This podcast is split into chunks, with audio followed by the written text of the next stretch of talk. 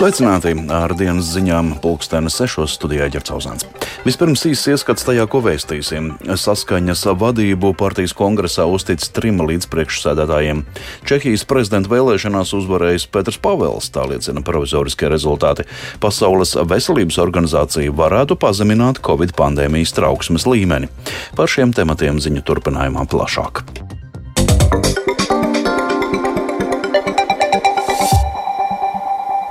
Partiju saskaņa turpmāk vadīs trīs līdzpriekšsēdētāji - Regīna Ločmele, Nils Ušakovs un Andris Morozovs.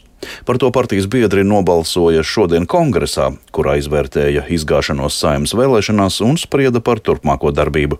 Jaunievēlētā partijas līdzpriekšsēdētāja Regīna Ločmele gatavojas par sabiedrībai aktuāliem jautājumiem turpmāk rīkot regulārus piketus. Vairāk Jāņa Kīņšas sagatavotajā ierakstā. Krīze partijā saskaņa aizsākās jau ar skandāliem un varas zaudēšanu Rīgas domē. Saimnes vēlēšanu gadā saskaņas reitings turpināja krist, ko partijas vadība skaidro ar nekavējošo nostāju Krieviju pēc iebrukuma Ukrainā nosaukt par agresoru, kā arī atbalstīto lēmumu par Latvijas pareizticīgo baznīcas patstāvīgumu no Maskavas patriarchāta. Šos vēstījumus daļa krievolodīgo vēlētāju nesaprata. Vienlaikus arī kavējusies reakcija par viedokļu dažādību partijā, secina partijas līderi Jānis Urbanovičs un Nils Ušakovs. Es zinu, ka kļūdām ir vārds un uzvārds. Veiksmēm nē, bet neveiksmēm vienmēr. Es esmu jūsu neveiksme. Nemeklējiet citu. Es vēlētos atvainoties mūsu vēlētājiem, mūsu atbalstītājiem par to, ka mēs esam zaudējuši šajās vēlēšanās. Par to, ka mēs esam zaudējuši formu, mēs neesam bijuši uzdevuma augstumos. Uzstājoties gan latviešu, gan krievu valodā, vairums runātāju saskaņas kongresā debatēs uzsvēra, ka šāda pozīcija par notikumiem Ukrainā ir bijusi pareiza. Savukārt par Ukrainas ciešanām sekojošām norisēm Latvijā atšķirīgās domās bijuši saskaņieši Latgalē. Daugavpils mērs Andrejs Elksniņš un citi no saskaņas Daugavpils domē ievēlētie deputāti, kā arī partijas biedri Rezeknē un Ludzā ar pretošanos padomju okupācijas pieminekļu nojaukšanai, ir piesaistījuši Krievijas informatīvajā telpā dzīvojošos vēlētājus.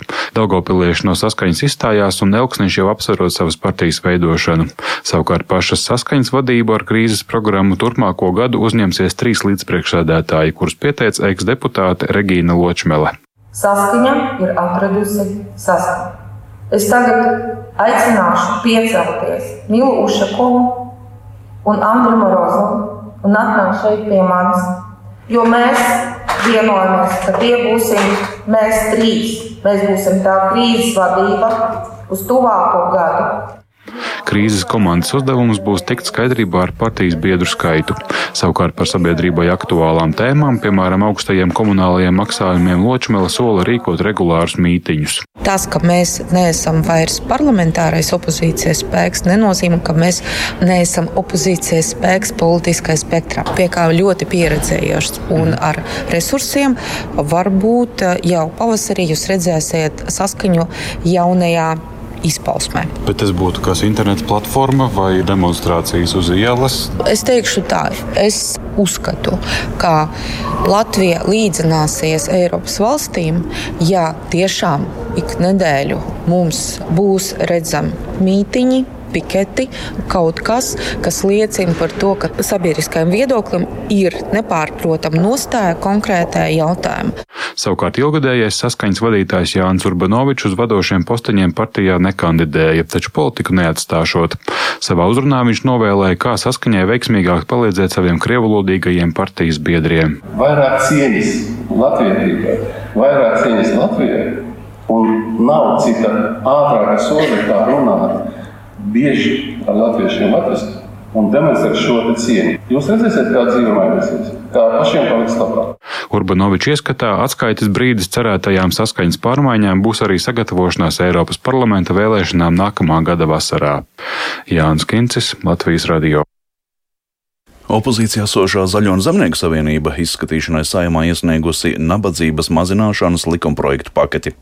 Zaļo un Zemnieku savienība aicina samazināt pievienotās vērtības nodokli līdz 5% pirmās nepieciešamības pārtiks precēm, arī medikamentiem, un arī līdz nullei samazināt pievienotās vērtības nodokli dabas gāzai, koksnes kurināmajam maisaimniecības vajadzībām, elektroenerģijai un obligātā iepirkuma komponentēm. Izstrādāt arī priekšlikumi akcijas nodokļa likmes mazināšanai degvielai degvielai.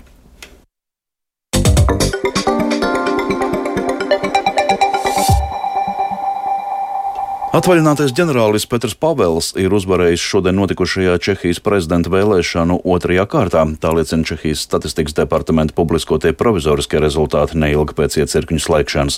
Saskaņā ar šiem rezultātiem Pavelu atbalstījuši 56,76% vēlētāju, bet par bijušo premjerministru Andreju Babišu nobalsojuši 43,23% vēlētāju.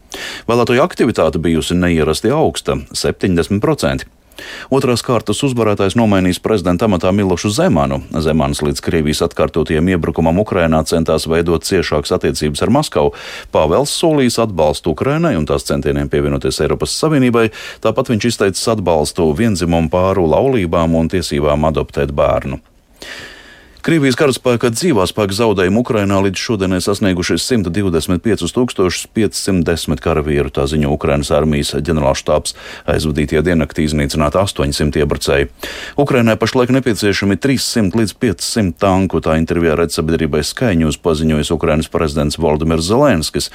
Viņš pateicās valstīm, kas paziņoja par gatavību piegādāt tankus, tomēr piebilda, ka nedrīkst zaudēt laiku to nogādāšanai frontē. Ukrainas vēstnieks Francijā Vadims Omeļčenko paziņojis, ka līdz šim rietumu sabiedrotie apsolījuši piešķirt Ukrainai 321 smago tanku. Piegādes termiņi esot katrā konkrētā gadījumā atšķirīgi.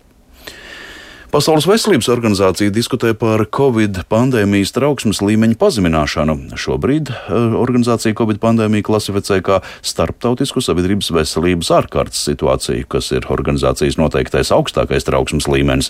Kā ziņo Deutsche Welle, lēmums par trauksmes līmeņa iespējamo pazemināšanu netiks izziņots ātrāk par pirmdienu. Vairāk stāsta Rustams Šakurovs. Vakar tika sasaukta Pasaules veselības organizācijas ārkārtas komitejas Covid-19 jautājumos 14. sanāksme kopš pandēmijas čau, čau, sākuma. Komiteja tiekas ik pēc trim mēnešiem, lai apspriestu krīzi un sniegtu atskaiti PVO ģenerāldirektoram. Neilgi pirms sanāksmes sasaukšanas PVO ģenerāldirektors Tedros Adanoms Gebrejesus sacīs, ka kopš 2022. gada decembra sākuma vīrusa izraisīto reģistrēto nāves gadījumu skaits ir pieaudzis. Viņš piebilda, ka pēdējo astoņu nedēļu laikā no Covid-19 miruši vairāk nekā 170 tūkstoši cilvēku. Gebrejesus uzsvēris to, ka nāves gadījumu skaits kopš decembra sākuma ir pieaudzis saistībā ar jauno inficēšanās vilni, kas skāra Ķīnu. Pagājušajā nedēļā vien PVO saņēmis ziņojumus par gandrīz 40 tūkstošiem vīrusa izraisītajiem nāves gadījumiem pasaulē. Vairāk kā puse no tiem ir saistīti ar Ķīnu. Es joprojām esmu ļoti noraizējies par situāciju daudzās valstīs, kā arī par nāves gadījumu skaita pieaugumu. Lai gan mēs esam acīm redzami labākā situācijā nekā pirms trim gadiem, kad šī pandēmija pirmo reizi mūs skāra, tomēr globāla kolektīvā reaģēšana atkal ir apgrūtināta. Gebrejesus atzīmējis, ka cīņu pret covid-19 joprojām apgrūtina vakcīnu, testu un ārstēšanās trūkums. Pēc viņa domām globālā rēģēšana joprojām ir nestabila, jo pārāk daudzās valstīs šie spēcīgie dzīvības glābšanas rīki joprojām nenonāk līdz iedzīvotājiem, kuriem tie visvairāk nepieciešami. Jo īpaši tas skar gados vecākus cilvēkus un veselības aprūpes darbiniekus. PVO ģenerāldirektors izteicis bažas arī par to, ka pārāk maz cilvēku visā pasaulē ir atbilstoši vakcinēti. Tikmēr ASV laikraksts New York Times lēš, ka vakcinācijas temps visā pasaulē pēdējos mēnešos ir mazinājies, sabiedrības pieprasījumam samazinoties pat tad, kad vakcīnu piedāvājums kļūst plašāks. Laikraksts ziņo, ka šobrīd vairāk kā 5 miljardi 510 miljoni cilvēku visā pasaulē ir saņēmuši Covid-19 vakcīnas devu, kas sastāv aptuveni 72% no pasaules kopējā iedzīvotāju skaita. Šobrīd Āfrikā ir zemākais vakcinācijas līmenis salīdzinājumā ar citiem kontinentiem. Tur tikai 35% iedzīvotāju ir saņēmuši vismaz vienu vakcīnas devu. Savukārt Eiropā vismaz vienu vakcīnas devu ir saņēmuši 70% iedzīvotāju, vēsta laikraksts. Rustams Šukūrovs, Latvijas Rādio.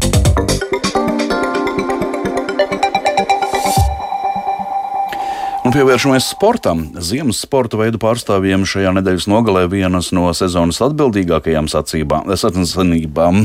Bietlānā noritot Eiropas čempionātam, bet bobslē un kamaniņu sportā risinās pasaules čempionāti.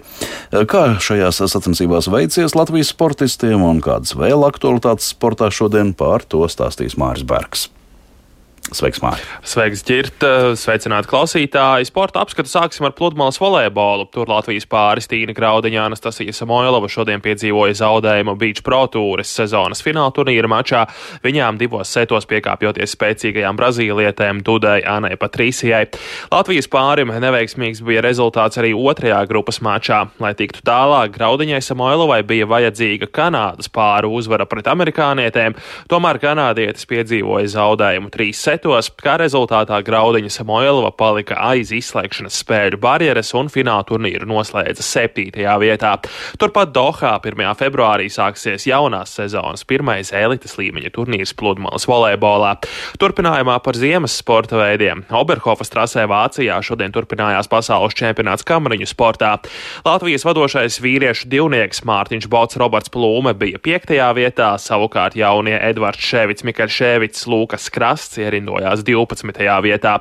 Sieviešu divniekos Hāna Upīte, Sānija Ozoliņa ierindojās 4. vietā, Mārta Robežniece Kitija Bogdanova bija 8. bet Viktorija Ziediņa Selīnas Vilna ieguva 10. vietu. Visbeidzot, sieviešu vieniniekos labākā no Latvijas bija Kendija Aparjode, kurai 8. vieta, Elīna Ieva Vītola bija 11. Sigitai Bērziņai 13. vieta. Pilnīgi visās disciplīnās kamariņu sportā zelta medaļas līdz šim izcīnījuši pelnījuši Vācijas sportisti. Sanktmoricas trasē Šveicē sācies pasaules čempionāts bobslejā. Tur pēc pirmās dienas divniekiem Emīls Cipulis kopā ar Stūmēju Matīsu Mikni ir sastie, taču viņiem vairāk būs jādomā par pozīcijas nosargāšanu nekā konkurentu ķeršanu. Piektajā vietā esošā Kristofa Hāfera ekipāža ir priekšā vairāk nekā 4 sekundes desmitaļas. Jākaps kalendārs Stūmēju dāvis Prieņģi tikmēr ieņem 16. vietu. Latvijas ilses galvenais treneris Sandis Prūsis sarunā ar Latvijas radio norāda, ka cīņa par sešnieku divniekos ir tas, uz ko viņš cer no Cipuļa ekipāžas, taču Prūsis Prūsis uzsver, ka visi sportisti ir maz pieredzējuši un pagaidām vēl mācās. Klausāmies bobslēgistu galveno treneri Sāni Prūsi. Protams, mums ambīcijas ir, un, un ne jau mēs atbraucam tikai nobraukt un palikt pēdējā vietā vai priekšpēdējā, bet nē, nē, nu, gan jau. Es ceru, ka četrniekā, varbūt arī divniekā, ja cīņa būs vismaz pa sešnieku, kaut arī neizcīnīs to sešnieku, bet ja tā cīņa būs, tas jau būs labi pirmajai ekipāžai. Nu, otrai man man grūti pateikt, jo mēs startējam divās grupās, tagad visi būs kopā vienā grupā. Ir 30 ekipāži, man grūti kaut ko tur nospraust, lai es būšu priecīgs, ja viņš tiks 20.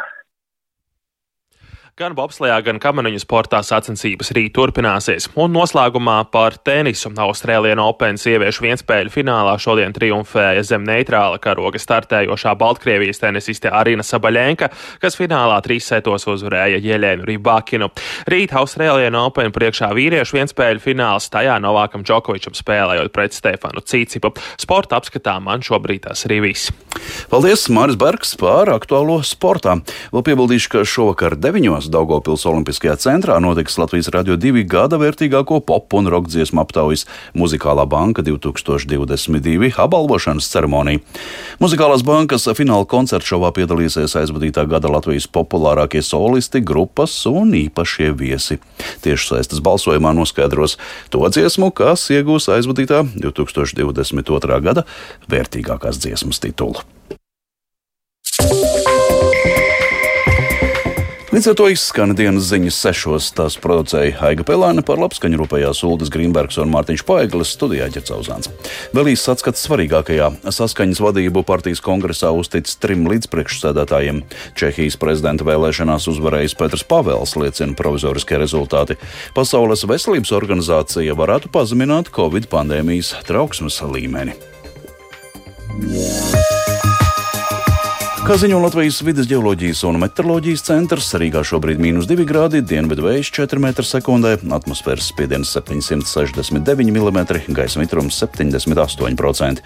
Naktī Latvijā būs apmācies, daudz vietas sniegs, vietām atkal, rietumu rajonos arī slapjš sniegs un lietus, ceļš slideni un dažviet arī migla. Rietumu dienvidu rietumu vējš 4,9 m2, piekrastē brāzmās līdz 14 m2.